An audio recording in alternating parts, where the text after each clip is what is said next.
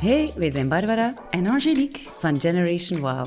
In seizoen 3 van onze podcastreeks met als thema Wow Money Talks praten we met financiële experten over hun money mindset en met welke aspecten je rekening dient te houden wanneer je wil groeien. In deze derde Wow Money Talks aflevering praat onze content manager Alice met Veronique Goossens. Veronique is sinds 2019 hoofdeconoom van Belfius. Ze volgt er het reilen en zeilen van de economie met bijzondere aandacht voor de economische prestaties van ons eigen land.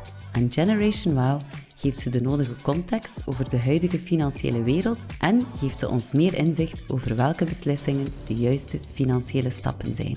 Voor ons is Veronique een ambitieuze, inspirerende en uplifting financiële expert. Welkom bij Generation Wow. Hallo Veronique. Hallo. Welkom bij de Wow Money Talks podcast. We zijn hier vandaag bij Belfius en dat is ehm, niet zo raar, want jij bent hoofdeconoom bij Belfius. Kan je mij wat meer vertellen over wat dat is, of wat dat voor staat, wat dat inhoudt? Inderdaad, er, er- reeds vijf jaar nu. Ik sta er zelf van te kijken. Wat doet een eh, hoofdeconoom? Ja, die vertelt hoe het er met de economie aan toe gaat, zowel intern. Ehm, die informatie is nodig om inschattingen te kunnen maken over beleggingen, maar evengoed hoe de balans moet beheerd worden, hoe de business eh, zou kunnen evolueren binnen Belfius. Dus ehm, wij doen voorspellingen, inschattingen over wat er gaat gebeuren, maar ook beschrijving van wat er aan het gebeuren is eh, en, en hoe je dat eventueel recht, trekt eh, of hoe je dat ehm, op een andere manier kan benaderen. En wat van belang is voor onze klanten vooral. Wat is er, eh, wat bedrijfsleiders moeten weten, wat is er, eh, wat spaarders moeten weten, eh, beleggers moeten weten. Dus dat raakt aan al die thema's. Ik leid een groep van tien man, tien mannen en vrouwen, allemaal heel slimme mensen die eh, ten gronde over eh, bepaalde materie gaan en vanuit heel verschillende invalshoeken studies maken over maatschappelijk relevante onderwerpen. Eén studie bijvoorbeeld waarmee we heel erg beroemd zijn geworden is de MAHA. Als dusdanig is die niet zo bekend onder de, de Mhm. bewoording, bewoording MAHA. Eh, maar dat gaat na hoe het gesteld is met de financiële toestand van de ziekenhuizen in België. Dus wij gaan die voor alle ziekenhuizen in België na. En ehm, ja, die staan er dus niet zo goed voor, ziekenhuizen. Eh, dat is het minste wat je wel kan zeggen. Dus voilà, het is een hele panoplie van zaken. Ik ga veel naar klanten, ik ga ook eh, eh, intern spreken. en, en voor de rest ja, doe ik ook aan onderzoek natuurlijk. Want als je iets te vertellen wil hebben moet je ook ehm, ten gronde in, in dingen je verdiept hebben om ehm, een opinie zich daarover te kunnen vormen. Is dat de voornaamste manier waarop jullie die, die informatie dan naar het grotere publiek overbrengen, die studies? Of zijn er ook nog andere manieren dat jullie dat delen met het publiek? Wij delen op verschillende manieren. Bijvoorbeeld, wij eh, delen eh, onze macro-economische visie mee in de app. Binnenkort gaan we een maandelijkse update geven over ja, wat is er nu in de wereld aan het gebeuren dat van belang is voor jou als bedrijfsleider. Ja. Eh, niet zwaarwichtig, niet in, in jargontermen, maar echt heel ehm, inzichtelijk en laagdrempelig voor mensen die even mee willen zijn van ja, wat is er nu eigenlijk aan het gebeuren? Eh, gaan we nu naar een recessie of, of, of is dat eigenlijk allemaal overdreven? Eh, omdat ja, in de media er heel vaak wordt ingezoomd aan het heel negatieve of het heel positieve. Eh, maar, maar het gewone is blijkbaar ja, minder nieuwswaardig. dus, eh, maar dat is evengoed belangrijk voor een belegger of als, eh, als bedrijfsleider. Iedereen die economisch actief is. Dus eh, in die zin proberen wij via verschillende kanalen eigenlijk natuurlijk onze, ons onderzoek, onze economische bevindingen naar buiten te brengen. Ja. Ehm, dus je bent hoofdeconoom. Ehm, ik denk dat er wel veel mensen geïnteresseerd zijn in wat jouw parcours is. Hoe dat je hier bent gekomen, van waar dat je komt. Je bent ook ehm, presentatrice geweest bij Kanaal Z, journalist geweest bij Kanaal Z. Kan je wat meer vertellen over jouw hele parcours en hoe dat je bent waar dat je nu vandaag bent? Het is een extreem gevarieerd uh, parcours dat ik mij totaal niet had kunnen indenken op het ogenblik dat ik uh, politieke en sociale wetenschappen uh, afronde in Gent. Waar um, ik voornamelijk eerst een um, media-carrière zag uh, in de informatieve sfeer. Hè, dus ik ben, ben eigenlijk vrijwel meteen op nieuwsredacties terechtgekomen uh, en heb informatieve programma's kunnen maken. Is dat echt ja, geëvolueerd naar een uh, journalistiek die vooral financieel-economisch was. En die toch bijna twintig jaar van mijn carrière vorm heeft gegeven. En op een gegeven moment kwam daar ook nog een verdieping door een boek te schrijven over um, de Nationale Bank. Dus wat doet eigenlijk een centrale bank? En, en van daaruit maak je dan een sprong naar de financiële sector, wat, wat nee, best wel een stretch was. Uh, maar ik ben zo blij dat, ik dat gedaan heb en die uitdaging compleet heb aangepakt, want het is daardoor intellectueel nog boeiender geworden. Um, ik bekijk die realiteit, die economische realiteit, maar evengoed de financiële uh, realiteit nu nog vanuit een veel uh, intenser inzicht. En ja, dat is ongelooflijk uh, interessant en boeiend. En ik heb dus heel veel dankbaarheid voor al die kansen die ik heb gekregen. -hmm. Is dat ook een meerwaarde, denk je, van jouw visie? Dat je niet, niet per se een traditionele economist bent, maar dat je um, door jouw achtergrond of wat je gedaan hebt, dingen op een andere manier kan bekijken, financieel? Dat zou best kunnen, hè, dat je niet door die typische bril kijkt van een academicus of, of uh, iemand die, die echt uh, economisch geschoold is. Alhoewel je natuurlijk mee in die concepten leert denken in de loop van de tijd. Ik heb altijd gezocht naar, um, als, als je iets wil echt wil begrijpen, ja, dan moet je echt naar de, de goede bronnen gaan uh, en, en uh, naar de degelijke um, economische analyses gaan. Ja, dan moet je wel een en ander begrijpen. Uh, dus ga je automatisch ook wel wat meer in dat kader denken. Ik denk wat mijn achtergrond als voordeel meegeeft, is dat je vanuit verschillende disciplines gaat kijken en die disciplines ook gaat verenigen. Um, en dat maakt het kader rijker. Dan puur vanuit een economische bril naar iets te gaan kijken, ga je dat opentrekken. En ga je dat combineren met, um, met sociologie, met politiek, met um, uh, cultuur en, en allerlei maatschappelijke dimensies, waar economie natuurlijk maar een stukje van uitmaakt. Maar, heel belangrijk, economie is totaal onderbelicht. Ik denk um, dat er vandaag heel veel mensen die ook zullen luisteren, ondernemers, uh, het gevoel hebben dat de economische situatie overal is. Een beetje altijd aanwezig is door wat er aan het gebeuren is, um, door COVID, energiecrisis, inflatie en zo verder. Het is um, onderbelicht, zegt u. Tegelijkertijd moet er meer aandacht in gestoken worden. Mensen voelen ook misschien dat er al zoveel mee bezig is geweest. Hoe brengen jullie dat over? Op welke manier kunt je dat naar mensen brengen, zodat het interessant is, maar dat het ook blijft hangen? Je mag nooit de nuance verliezen, want je zegt nu, ja, het is toch veel in het nieuws. Hè. We hebben covid, energiecrisis, inflatie. Je noemt nu drie crisissen op. Het is crisis. En dus is er veel aandacht. Um, je moet natuurlijk geïnformeerd worden. En recessie, uh, dat had je nog niet gezegd. Hè? Wat is jouw beeld eigenlijk van dit ogenblik? Zijn we in een recessie aan het terechtkomen? Wat is het beeld dat je daar nu van hebt op basis van die informatie die je de jongste maanden hebt gekregen? M mijn gevoel zou zeggen ja. Ja, denk het wel. Dat is niet onze verwachting. Dus okay. om maar te zeggen, hoe vaak je toch een eenzijdig beeld krijgt van uh, wat er in de economie gaande is. Um, hetzelfde wat betreft inflatie. Dat wordt altijd omschreven als iets verschrikkelijk slecht. Maar ik als iemand die schulden heeft, omdat ik een huis nog steeds afbetaal of er een nieuw heb gekocht, ik prees mij gelukkig. Ik denk, wauw, dat bedrag dat ik nog uh, de komende jaren moet gaan afbetalen, dat smelt als sneeuw voor de zon. En bovendien heb ik een automatische loonindexering, dus mijn lening is gefixt. Ik bedoel, die, die wordt niet duurder. De waarde van het uitstaande kapitaal wat ik nog moet afbetalen is enorm aan het uh, slinken. Dat getalletje staat er nog wel, maar het is minder waard geworden. Het is net hetzelfde met je spaargeld. Dat getalletje staat nog op je spaarboek, maar het is minder, je kan er minder mee kopen. Hè? Dus dat is de idee van inflatie. En hoe dat impact heeft in de twee richtingen. Op enerzijds sparen en anderzijds een schuld hebben. Ehm, ja, dat wordt... heb je daar al eens over gehoord? Daar vertelt niemand over. Terwijl dat het eigenlijk echt een win was in mijn situatie.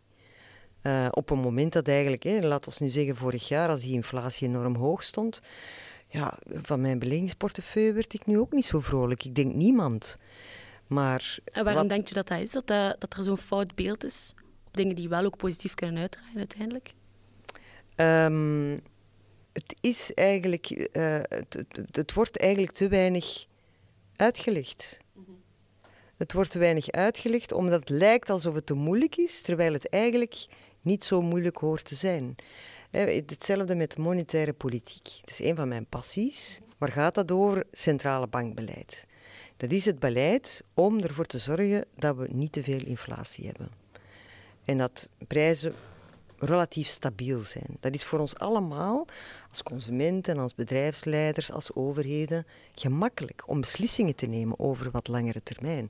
Als je niet weet wat er morgen gaat gebeuren, als dat de hele tijd over en weer gaat en op en neer gaat, dan is dat zo'n uh, moeilijke situatie om, om economische beslissingen te nemen. Dus gelukkig hebben we een Europese centrale bank die dat voor ons gaat regelen.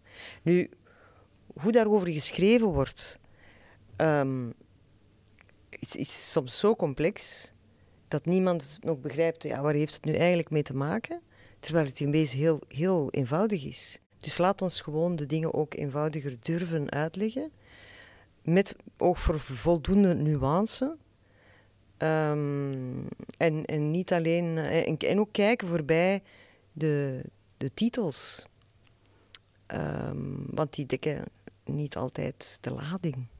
Er zijn sowieso wel, denk ik, wel kansen en uitdagingen voor ondernemers.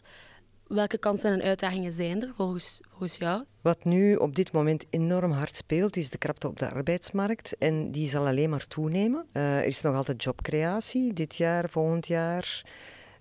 En men vindt de mensen niet. Ja. Het gaat ook niet zo makkelijk zijn om die mensen die er wel zijn, geen job hebben, maar dus niet de juiste competenties hebben om die jobs in te vullen, om dat hele uh, leger aan uh, potentiële krachten, om dat meteen vrij te maken voor de arbeidsmarkt. Dus eh, een ondernemer zal in een andere richting moeten denken. Digitalisering is uiteraard, allee, zou al top of mind moeten zijn al jarenlang. Maar verder het uh, robotiseren, automatiseren, um, werken met artificiële intelligentie. Begin er desnoods heel klein aan, probeer dingen uit. Uh, zodanig dat je er al mee vertrouwd raakt. Uh, informeer je in, in hoeverre dat effect kan hebben op jouw business. En uh, welke voordelen jij of er nu al eventueel zou kunnen uithalen. Want dat is voor alle sectoren anders. Je mag er ook niet te vroeg mee zijn. Zeker als uh, kleine ondernemer is het moeilijk om al die bordjes recht te houden. Dus de, de, ja, alles wat onder de noemer digitalisering, automatisering valt, is een heel belangrijke kwestie in een economie waar we het steeds gaan moeten hebben van meer inzetten op kapitaalsgoederen dan op het inzetten op arbeid. Want die, die, die arbeidsmarkt is aan het krimpen. Uh, anderzijds hebben we ook de hele uitdaging van um, de vergroening van onze economie. Een zaak waar steeds meer ondernemers tot de kleinste toe op een gegeven moment mee geconfronteerd gaan worden. Je kunt dat niet zomaar uh, ja, uitschakelen of doen alsof het er niet is, of het zal mijn tijd wel duren, of ik weet niet wat. Um, het, het, wordt steeds belangrijker, ook in uh, Europese regelgeving. En uh, we, worden er op dit moment nu al mee geraakt. Dus uh, ondernemingen moeten zich daar mee bezighouden en daar, daar ook voldoende oog voor hebben. Um, er liggen natuurlijk op dat vlak ook enorme kansen. Uh, dus dat, dat, kan een win-win betekenen. Anderzijds, uh, een nog zo onbelangrijke vaststelling is die ver, veroudering van onze samenleving, laat ons zeggen verzilvering. Uh, daar liggen geweldig veel opportuniteiten. Dat, wordt een, dat is een groep die heel veel tijd heeft en best nog wel wat geld uit te geven heeft. Dus uh, het is een groep die tot voor kort eigenlijk nauwelijks uh, gevaloriseerd werd, marketinggewijs, uh, zelfs niet in, in uh, ja, aandacht van vergeten, wat, ja. ja. voor een, een, een, vergeten groep.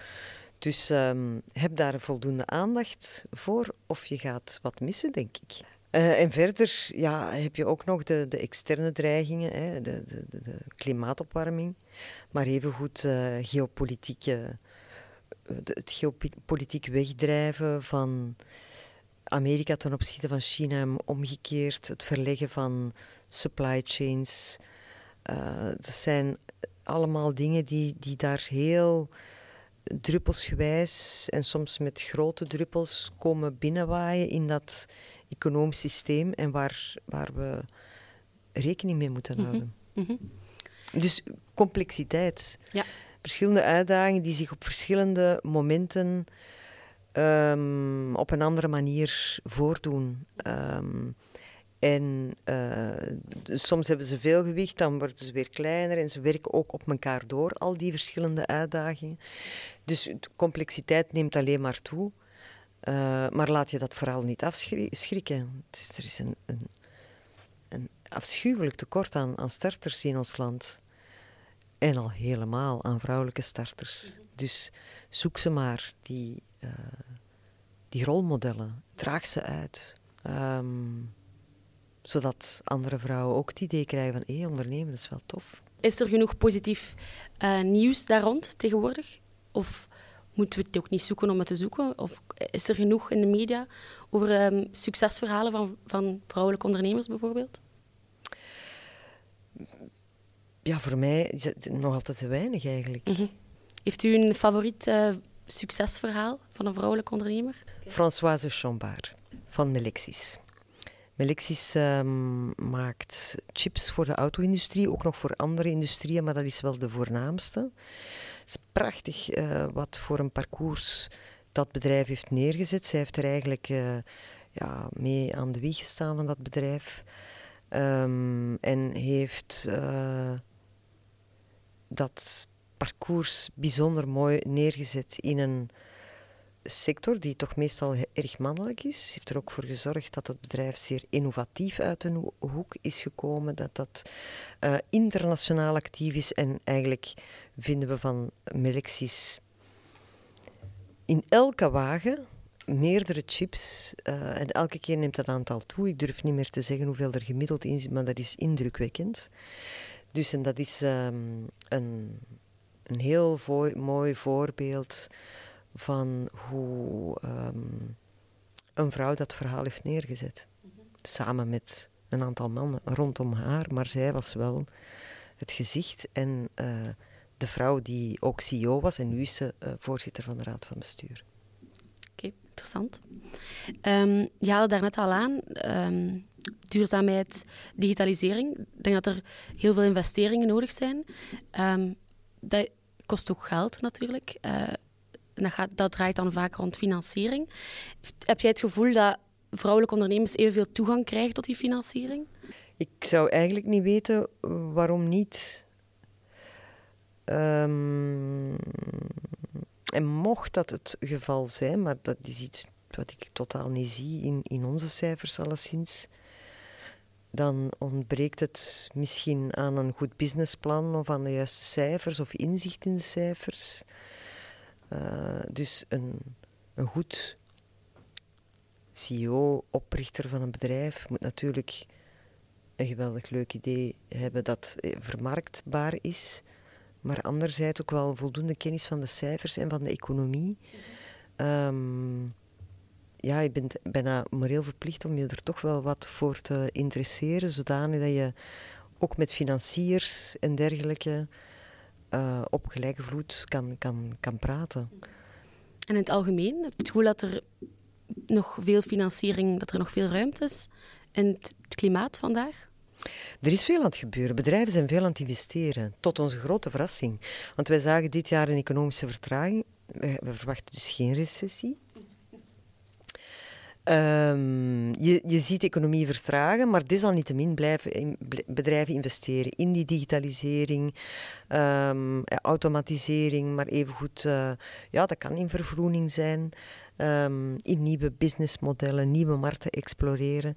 Dus we zien toch wel dat er heel wat vertrouwen is in de toekomst is ook logisch ergens na een jaar waarin die winstmarges toch serieus op peil zijn gebleven. We zien die, dat die winstmarges nu weer wat onder druk komen met een toegenomen loonkost uh, en, en, energiekost. Energiekost die eigenlijk redelijk laat is, heeft ingehakt bij de ondernemers. En dus ook redelijk laat terug naar normale niveaus evolueert, wat nog aan het gebeuren is op dit moment. Dus je ziet wat margedruk. Um, natuurlijk, het is altijd een goed moment om te investeren of om te, uh, te innoveren in, in tijden van, van vertraging zeker. Uh, en uh, je ziet dat Belgische bedrijven dat ook doen. Er zijn heel wat voorbeelden om heel fier op te zijn. Dus naast het feit eh, dat ik daarnet even kritiek had op het, het feit dat, dat er soms nogal rap gecashed wordt. Um, en, en uiteraard kan dat dienen om opnieuw in die economie te, te gaan investeren. Maar anderzijds heb je ook fantastische bedrijven, um, fantastische familiebedrijven, ook geleid door een vrouw of opgericht door een vrouw, die um, ja, heel erg uh, aanleiding geven om daar ontzettend trots op te zijn. Um, we zijn vaak trots om onze rijke cultuur, maar zijn we voldoende trots op onze ondernemerscultuur? Nee, helemaal niet. Het is toch jammer. Mhm. Ja. U haalt er net al aan. Het is, het is um, een beetje onze morele plicht om bezig te zijn met wat er gebeurt in de economie. Op welke manier kunnen ondernemers, vrouwelijke ondernemers dan specifiek, um, bijleren over de economie, wat er vandaag speelt? Het hangt er natuurlijk vanaf in welke sector je actief bent, waar je precies mee bezig bent. Um, het lijkt me al, logisch dat je toch iets weet over de Belgische economie. Wat bijvoorbeeld dit jaar een, belangrijke vaststelling is, dat het reële beschikbaar inkomen, dus dat wil zeggen het inkomen over heel de populatie Belgen, dat die er stevig op vooruit gaat. En dat dus onze consumptie ondersteund wordt. Nu, als je dat weet, dan weet je dat um, het, uh, de handel het, eigenlijk nog betrekkelijk goed zal doen. Hè? Dat winkels het nog betrekkelijk goed zouden kunnen doen als ze het uh, goed aanpakken. En dat je dus, uh, ja, wat, wat, wat, dat betreft, initiatieven kunt gaan zien om um, daaraan tegemoet te komen. Dus dat is belangrijk om te weten. belangrijk om daar ook op te kunnen anticiperen. Belangrijk ook om te weten van wat gaat de inflatie doen in België in, de kom, in het komende jaar. Zo weet je ook hoe je personeelskost zal beïnvloed worden. Wat wordt er verwacht over uh, energie enzovoort. Als je natuurlijk een internationaal opererend uh, bedrijf bent, dan moet je weten wat er verwacht wordt van de markten waarin je actief bent. Um, wij proberen in ieder geval aan onze klanten Zowel retail als, als businessklanten um, vanaf de maand oktober. Dus dat is nieuw om elke maand heel behapbaar een overzicht te geven van kijk, dat is er aan het gebeuren in de wereldeconomie. En vooral dat is interessant om te weten, om te verstaan waar, waar we met ons klein landje in zitten op dit moment. En dan, ja, dit is wat er algemeen aan het gebeuren is in, uh, in de economie en wat je absoluut moet weten. Heb je het gevoel dat, dat door die kennis, of die, on, die te weinig aan kennis dat er is, uh, dat er vaak ook uit angst dingen worden gedaan. Omdat mensen denken dat er misschien een recessie aankomt, of dat er een heel hoge inflatie is, dat er nog veel daaruit wordt gehandeld of ook onder, onderneemd wordt. Ja, mensen zijn psychologische wezens. Dus je ziet ook inderdaad als uh, vorig jaar ineens Rusland die gaskraan toedraait en die energieprijzen uit de pan beginnen te swingen, dat, na, dat dat voldoende is doorgedrongen bij ons. Dat het consumentenvertrouwen echt paf naar beneden zakte naar een historisch minimum. Dus zeer gedeprimeerd. Hè? Dus dat wil dus zeggen ja, dat consumenten op dat moment beslissen van ja, we gaan uh, voorlopig niet, niet meer te veel uitgeven. Uh, en we gaan heel voorzichtig zijn, want morgen zijn we misschien onze job kwijt. Dat sentiment is, is heel snel gekeerd. Uh, dus ja, natuurlijk. We, zijn uh, emotionele wezens en we zijn mensen die zich do daardoor laten leiden. Maar soms kan het ook niet slecht zijn om een beetje afstand te nemen en op die manier goede financiële beslissingen te nemen met een klein beetje recul. Uh, door niet eigenlijk op de waan van de dag te reageren, maar, maar uh, een beetje dieper te kijken en zeggen: ja, maar hoe zit het nu echt in elkaar? En wat, hoe impacteert dat eigenlijk het, het, het komende jaar? Hm. Dus een tip van jou zou zijn: informeer u vooral? Informeer je. Um, en ja, ken ook de, goed je financials van je business. Onder, onderschat die kennis niet als uh, founder, als ondernemer. Dat zijn zaken die, die als je op een receptievraag staat, je moet die vraag beantwoorden. Je moet ze geven, die antwoorden. Um, het, is, het is belangrijk om niet alleen je markt, je product, uh, maar ook je, je financiën heel goed uh, op een rijtje te hebben. -hmm. um, ik denk dat sommige van onze luisteraars jullie ook, jou ook wel gaan kennen van um, de Wow Money Talks, van, dat wij dit jaar hebben georganiseerd, de eerste editie. Daar hadden we het over money mindset. Op welke manier dat je denkt over geld en op welke manier dat je met geld omgaat. Veronique, wat is jouw money mindset? Heb jij een positieve of een negatieve money mindset? Herinner mij nog eens aan wat positief en negatief is, want dat weet positief ik niet is, is dat je, je denkt in overvloed, uh, je ziet geld, je ziet opportuniteiten, um, je durft ook investeren. Uh, en negatief is, um, je hoort wel vaker, ik kan dat niet betalen, of um, bijvoorbeeld uh, geld eng vinden, daar eigenlijk wel van weg willen blijven. Als ik het zo aan het uitleggen ben, denk ik dat je eerder een positieve money mindset hebt. Ah, dan ken je mij beter dan ik. Nee, uh, wat ik daarop wil zeggen is, denk een beetje van de twee. Uh, ik um, heb een positieve blik in die zin dat ik um, beleg en dat ik uh, dat op een vrij risicovolle manier doe. Ik bedoel, dat is een berekend risico. Hè? Um, omdat mijn afstand 10 tot 15 jaar ver is. En dat ik dus uh, tussentijdse serieuze correcties, dat ik daar geen hartstilstand van krijg. Hè. Dus ik, ik, ik, kan dat wel heel goed zien. Ik doe dat ook gespreid in de tijd. Dus dan vlakt voor een stuk mijn risico wel uit. Um, anderzijds ja, ben ik wel heel... Uh, uh, attentief, attentief op het de toekomen met je geld en het voldoende buffer hebben uh, van je. Ben ik mij daar wel voldoende van bewust. Hè, ik wil niet elke dag nadenken over wat ik uitgeef, maar ik wil mij wel voldoende bewust zijn van wat ik uitgeef. Dus ik ben niet zomaar een, een, uh, ja, een losbol wat dat betreft. Ik hou ze wat dat betreft zeker nog altijd op een rijtje. Dus dat is een beetje dubbel, hè? Hoe lang beleg je al? Meer dan twintig jaar. Oké. Okay. Zijn er verschillende fases in geweest? Of op een andere manier aangepakt, op dezelfde manier? Is daar evolutie in? Ja, er is zeker evolutie in. Ik ben in de loop van de, van de jaren eigenlijk meer risico gaan nemen. Omdat ik het idee van risico op lange termijn echt verkeerd heb ingeschat. Het is ook uh, door er ja, meer over af te weten en om er anders naar te leren kijken. Uh, dat ik wat dat betreft eigenlijk spijt heb dat ik niet van, ja, toen ik vrij jong was, ben beginnen beleggen. Met een klein bedrag.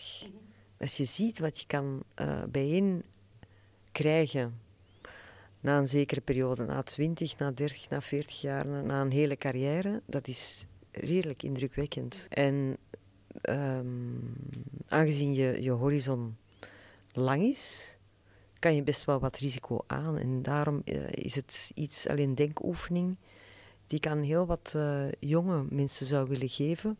Van ja, als je wat, wat kan missen maandelijks, onderschat dat effect niet. is beter dan, dan een, een, een, een, eh, een zware financiële buffer opbouwen via je spaarrekening.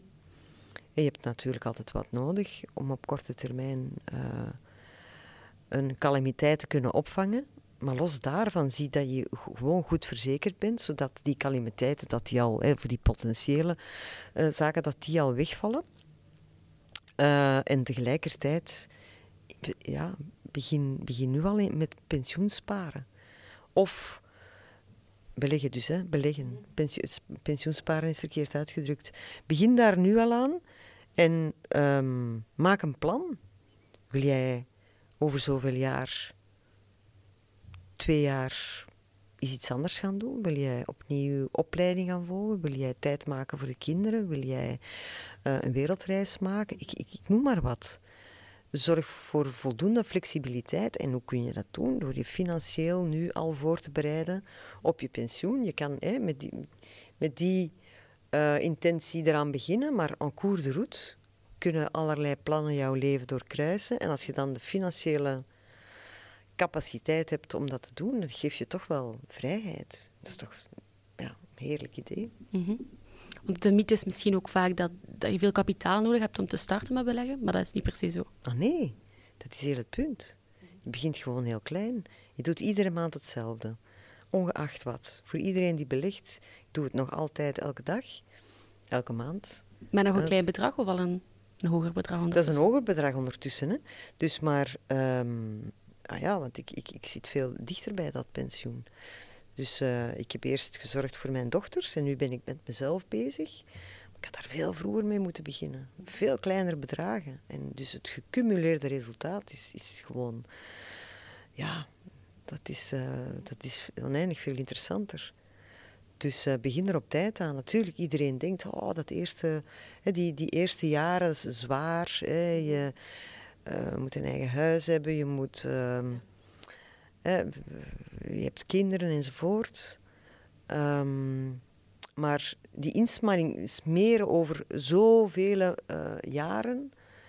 Het, het, de impact is daarvan enorm en geeft je eigenlijk ook doorheen die hele lange carrière ondertussen de flexibiliteit om je leven wat anders in te delen. En um, de vrijheid om eens af en toe iets anders te doen. Maar dan moet je er vroeg aan beginnen. Beleggen jouw dochters? Is dat iets dat je uh, meegegeven? Uh, een van de twee doet het, de andere niet. Ja, misschien zal ze ooit het resultaat van, van, hè, van de, andere zien. zien. Ja. En, en moet dat misschien ook wel uh, aanzetten tot. We gaan dat zien. Ieder zijn vrijheid, iedereen zijn, uh, zijn manier om erover na te denken. Het thema van de nieuwe Wow Money Talks, uh, de volgende editie die eraan komt, is groeiend ondernemen. We hebben het al een beetje gehad over, over het klimaat, over het huidige macro-economische klimaat. En groei is daar, denk ik, voor ondernemers heel belangrijk in. Um, we denken dan vaak aan winst als we denken aan groei. Um, op welke manieren volgens u kunnen ondernemers groeien in dit klimaat? U haalde zelf al aan digitalisering, breder gaan denken. Is, ligt daar de toekomst volgens u? Durven breder denken dan alleen winst? Ja, inderdaad, uh, een bruto binnenlands product, dat zou eigenlijk veel meer componenten moeten hebben. Daar moet, zou welzijn in moeten zitten, daar zou uh, propere lucht in moeten zitten. Uh, tegenwoordig zelfs niet te veel geluid. Hè. Um, nee, we kijken te eng naar dat begrip. Nu zeggen van we gaan niet meer moeten groeien, toch wel opgelet. Want um, wij maken de, de welvaart, welvaart die herverdeeld wordt, welvaart die geherinvesteerd wordt in al die nieuwe oplossingen die we nodig hebben om ons klimaat terug in orde te krijgen, um, om de uitdaging van morgen aan te kunnen.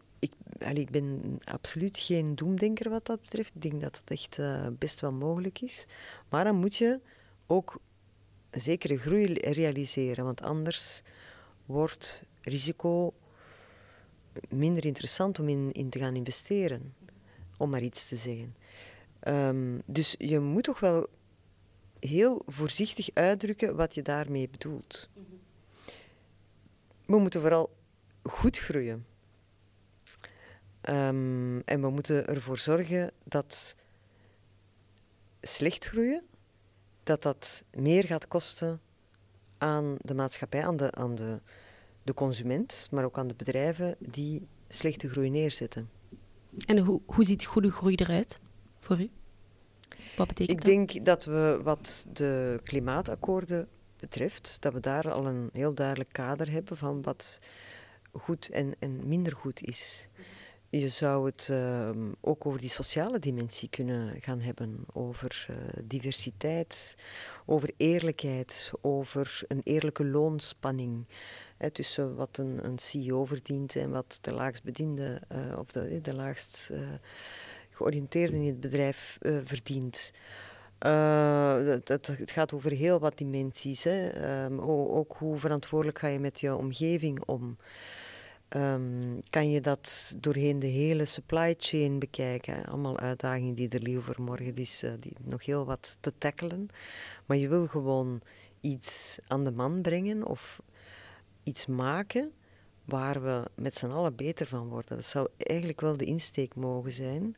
En niet alleen het maken van winst. Dat is op zich qua doelstelling veel te eng en um, immoreel als je uh, er voor de rest eigenlijk alleen maar slechte bedoeling mee hebt natuurlijk. Waar ik intrinsiek niet van uitga bij een ondernemer. Mm -hmm. um, het is natuurlijk ook een uitdaging om, om, om dat concreet vast te leggen, die zaken, die brede dimensies, want cijfers zijn heel duidelijk. Um, maar daar wordt aan gewerkt, hè? Ja, like ja. Belfius bijvoorbeeld, of de bank. Um... Ja, en er is ook regulerend, uh, zijn er initiatieven aan het komen die het hele ESG-verhaal capteren. Dus dat gaat dan ook over goed bestuur. Wat is goed bestuur? Ook daar is er in België eigenlijk nog een, een hele mooie oefening te maken. Is het uh, professionaliseren van management in, in KMO's, uh, in familiebedrijven. Dus um, ook, ook daar zijn er nog altijd verbeteringen mogelijk. En dat is niet alleen in België, dat kan uh, evengoed elders zijn we hebben nog heel wat, wat te doen uh, in, in al die verschillende domeinen. Dus laat ons um, het niet te eng bekijken. Uh, echt niet meer groeien of zelfs krimpen. Dat gaat dus collectief betekenen dat we minder uit te delen hebben. Ik, ik, ik, wil, het, ik wil het resultaat eens zien. Dat gaat, dat gaat er niet fraai uitzien. Hè? Um, dus meer die economische groei duwen in een gezond, sociaal rechtvaardig, goed bestuurd karkan, ja, uiteraard. Dat zal al op zich een enorme oefening zijn. Het is nu al zo'n enorme oefening om eerst die groene dimensie er al in te krijgen. Um, voor de rest gaat dat ook een, een, werk van zeer lange adem worden. En natuurlijk zitten wij alleen maar in de Europese Unie en niet in de rest van de wereld. Dus we moeten ook altijd zien dat we um, concurrentieel blijven. Maar anderzijds kan ik als mens wel trots zijn op het gegeven dat we daarin toch wel voortrekkers zijn uh, wereldwijd. Alleen moeten we zien dat het economisch ook leefbaar is. Ja. En, en daar moeten we een mooi compromis vinden. Hè? Dat we nog voldoende concurrentieel zijn met de rest van de wereld, maar tegelijkertijd eigenlijk um, ja, hoogstaand in maatschappijvisie en in, uh, in visie op onze verplichtingen ten aanzien van planeet, mens en, uh, en de hele samenleving. Het is waarschijnlijk ook echt de realiteit dat als je voor financiering naar de bank gaat, dat er dat er uh, de cijfers één ding zijn, maar dat er ook de andere processen of um, zaken waar daar een bedrijf mee bezig is ook van belang zijn. Voor een bank. Absoluut, absoluut. En, en, dus het uh, wordt wel concreet dan? Ja, ja, dat wordt concreet inderdaad, want wij bevragen bedrijven nu al, hè, de grote bedrijven. Ja. Uh, maar dat gaat stilletjes aan, gaat dat meer en meer impact krijgen op een KMO, een kleiner bedrijf. Ja. En zal daar rapportering moeten zijn uh, daarover? Niet alleen rapportering, maar je moet het ook in de feiten uh, terugvinden. Dus die, um, die dimensie wordt steeds belangrijker. En ja, ik, ik weet niet hoe jij dat aanvoelt of hoe jouw generatie dat aanvoelt. Is, voelt dat aan als een vloek of als een zegen? En, of, of is het een beetje mhm evenwicht tussen die twee. Ik weet niet hoe jij dat bekijkt. Ja, ik denk zeker. Het, ik, ik, denk dat mijn generatie gewoon beseft dat het niet meer niet kan. Dus ik denk dat dat, het, dat is uitgesloten. Um, je moet een manier vinden om, om ermee om te gaan. En ik denk dat we langzaamaan heel veel toffe manieren ook zien. Ik denk bijvoorbeeld aan uh, partnerships, uh, bedrijven die samenwerken, andere manieren die, die we misschien nog niet kenden. Um, die wel heel interessant zijn. Dus ik denk dat het wel kan. We zijn creatief genoeg, denk ik. En ik denk, waar ik heel erg naar luister, is ook dat het belangrijk is om je te informeren, zodat je weet wat dat er speelt, zodat je niet uit angst handelt, zodat het geen sneeuwbaleffect is. En dan gaan we wel vooruit, denk ik. Die, die informatie, waar haal jij die uit? Ja, inderdaad. Ik bekijk heel veel macro-economische data die dagelijks binnenkomen. En bijvoorbeeld we zien nu bijvoorbeeld dat ehm, het vertrouwen van Europese bedrijfsleiders dat dat toch wel uh, ja, onder druk komt. En uh, zelfs in de dienstensectoren, die tot nu toe redelijk sterk zijn gebleven. Dus um, dat zijn voor ons indicatoren om aan te geven, ja, hm, het gaat toch niet geweldig goed gaan in de eurozone in de komende tijd. Maar is dat uh, een recessie? Nee, dat denken we dus niet. Tegelijkertijd zie je in België betere resultaten. Dus als er nieuws verschijnt over Europa, ja, dan wil dat erom niet zeggen dat het, dat het hetzelfde plaatje getekend wordt voor België. Wij hebben een heel atypisch land. Um, met uh, zeer goed werkende automatische stabilisatoren, zoals bijvoorbeeld het uitgewerkte, uitgebreide systeem van tijdelijke werkloosheid, um, dat tot op de dag van vandaag wordt gebruikt. Maar uh, evengoed uh, belastinginkomsten die uh, op dat moment naar beneden duiken. dus dus die, dat zijn um, mechanismes die, als we het moeilijk krijgen, die België altijd wat meer overeind houden dan bijvoorbeeld een eurozone. Dat is echt opvallend. Maar omgekeerd is het dus ook. Hè. Als het in Europa voor de wind gaat, ja, dan blijven wij altijd een tikje achter. Um, dus het is maar hè, hoe je het bekijkt. Maar dus vandaag zien we eigenlijk veel uh, meer positieve signalen voor België. En, en vooral komt de groei van de consument, die, die blijft gewoon uitgeven. Ja, er worden nog altijd jobs gemaakt. De werkloosheid die, uh, blijft op een historisch minimum staan. Uh, bedrijven blijven investeren. Um, en ook de overheden blijven investeren, want we gaan naar verkiezingen. Dus het is, uh, het is belangen zo slecht nog niet. Oké, positief. Veronique, ik denk dat we aan het laatste deel al aangekomen zijn. Uh, onze rapid fire questions. Dus ik stel een vraag en jij geeft een antwoord, één woord, één zin. Um, heel kort. Wat is volgens jou de meest invloedrijke persoon in de Belgische economie vandaag? Ik zou toch durven stellen Pierre Wunsch, mm -hmm. de uh, gouverneur van de Nationale Bank van België. Waarom?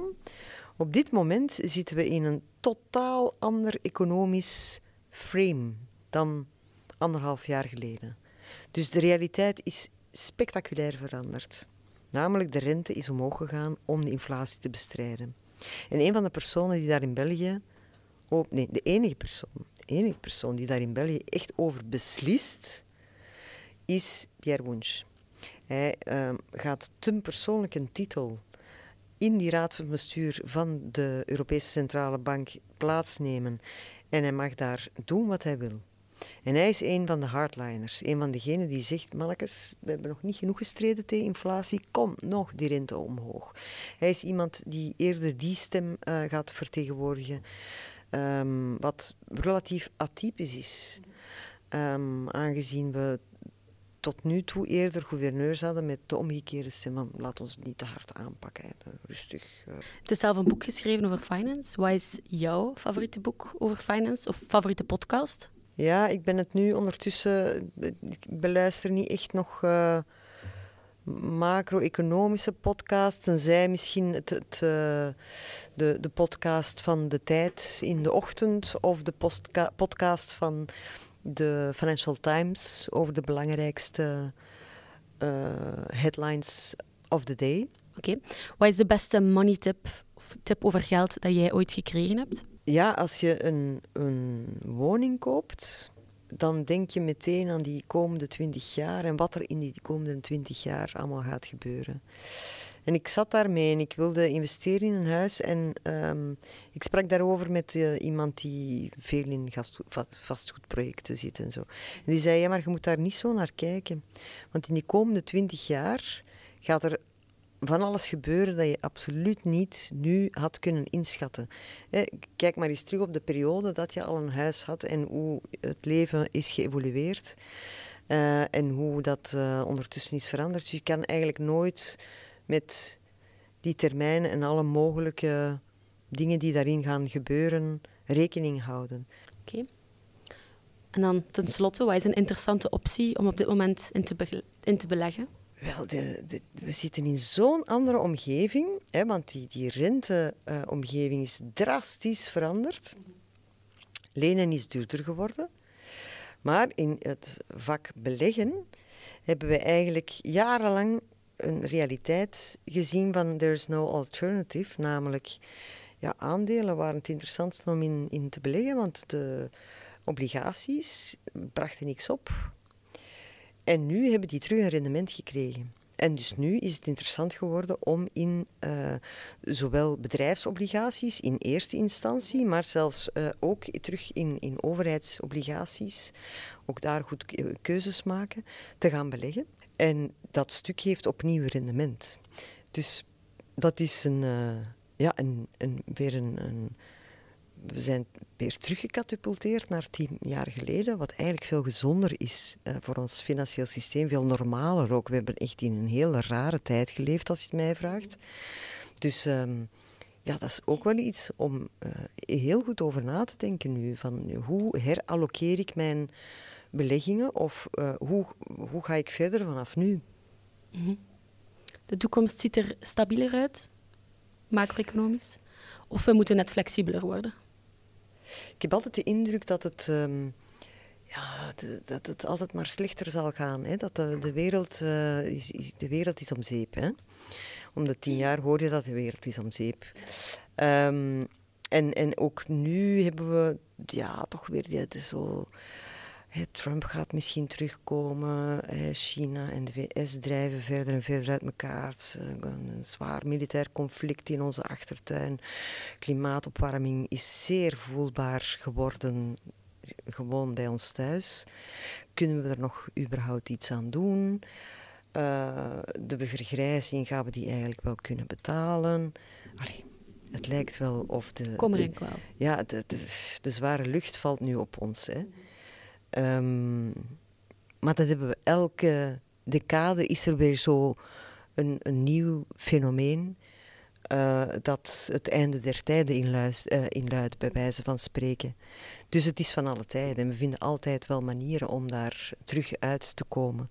Dus ik geloof wel in die flexibiliteit en die die uh, waanzinnige power eigenlijk van de mhm. mens. Veerkrachtigheid. Uh, de veerkrachtigheid om daar altijd wel, wel, wel opnieuw een, een, verhaal van te maken. En ja, je kan dan zeggen, ja, maar ja, hier in, in dit land krijg je hè, zo, zoveel dingen nog moeilijk geregeld. En, en wat hè, moeten we denken over uh, opkomst van het populisme wereldwijd?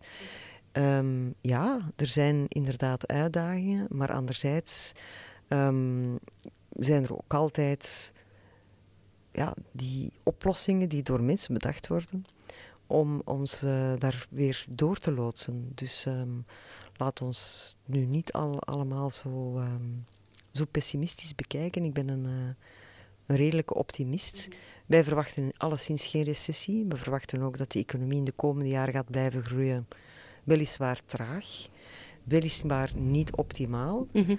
maar um, na alles wat wij meegemaakt hebben, Namelijk één, een wereldwijde pandemie waarin de wereld op slot ging. Uh, en ten tweede een zwaar Russisch uh, militair conflict op eigen bodem hier in Europa, dat hadden we ons ook niet meteen uh, voor de geest gehaald. En alles draait. Ja. De economie draait, er wordt winst gemaakt. Um, er worden nog steeds mensen aangeworven. En um, ja, het, het, het, het, is eigenlijk ongelooflijk om te zien hoe veerkrachtig de economie is geweest en hoe um, alert overheden ook geweest zijn om deze crisis heel pertinent aan te pakken. En je kon altijd betuigen dat het te laat kwam en dat het te lang duurde en dat het te veel geld heeft gekost. Maar wij zitten hier nu toch maar te genieten hè, aan deze witte tafel, waarin het economisch gezien nog altijd goed. Jij hebt een job, ik heb er een, jij daar en jij ook. Um, veel om in te vertrouwen. Veel om in te vertrouwen en om ambitieus te zijn, om, om nog beter te doen en om ons niet de kop te laten hangen. Super. Heel interessant, Veronique. Bedankt voor uw komst. Met voor, heel veel plezier. De goede input. Ik kom toe, er is geen recessie en er is veel vertrouwen. Er is veel vertrouwen, dank u wel. Voor deze Generational podcastreeks werkten we samen met ons fijn team. Thibaut Veru deed de productie, Annelies Gernaert de eindredactie. Deze podcastreeks werd mede mogelijk gemaakt met de steun van Belfius.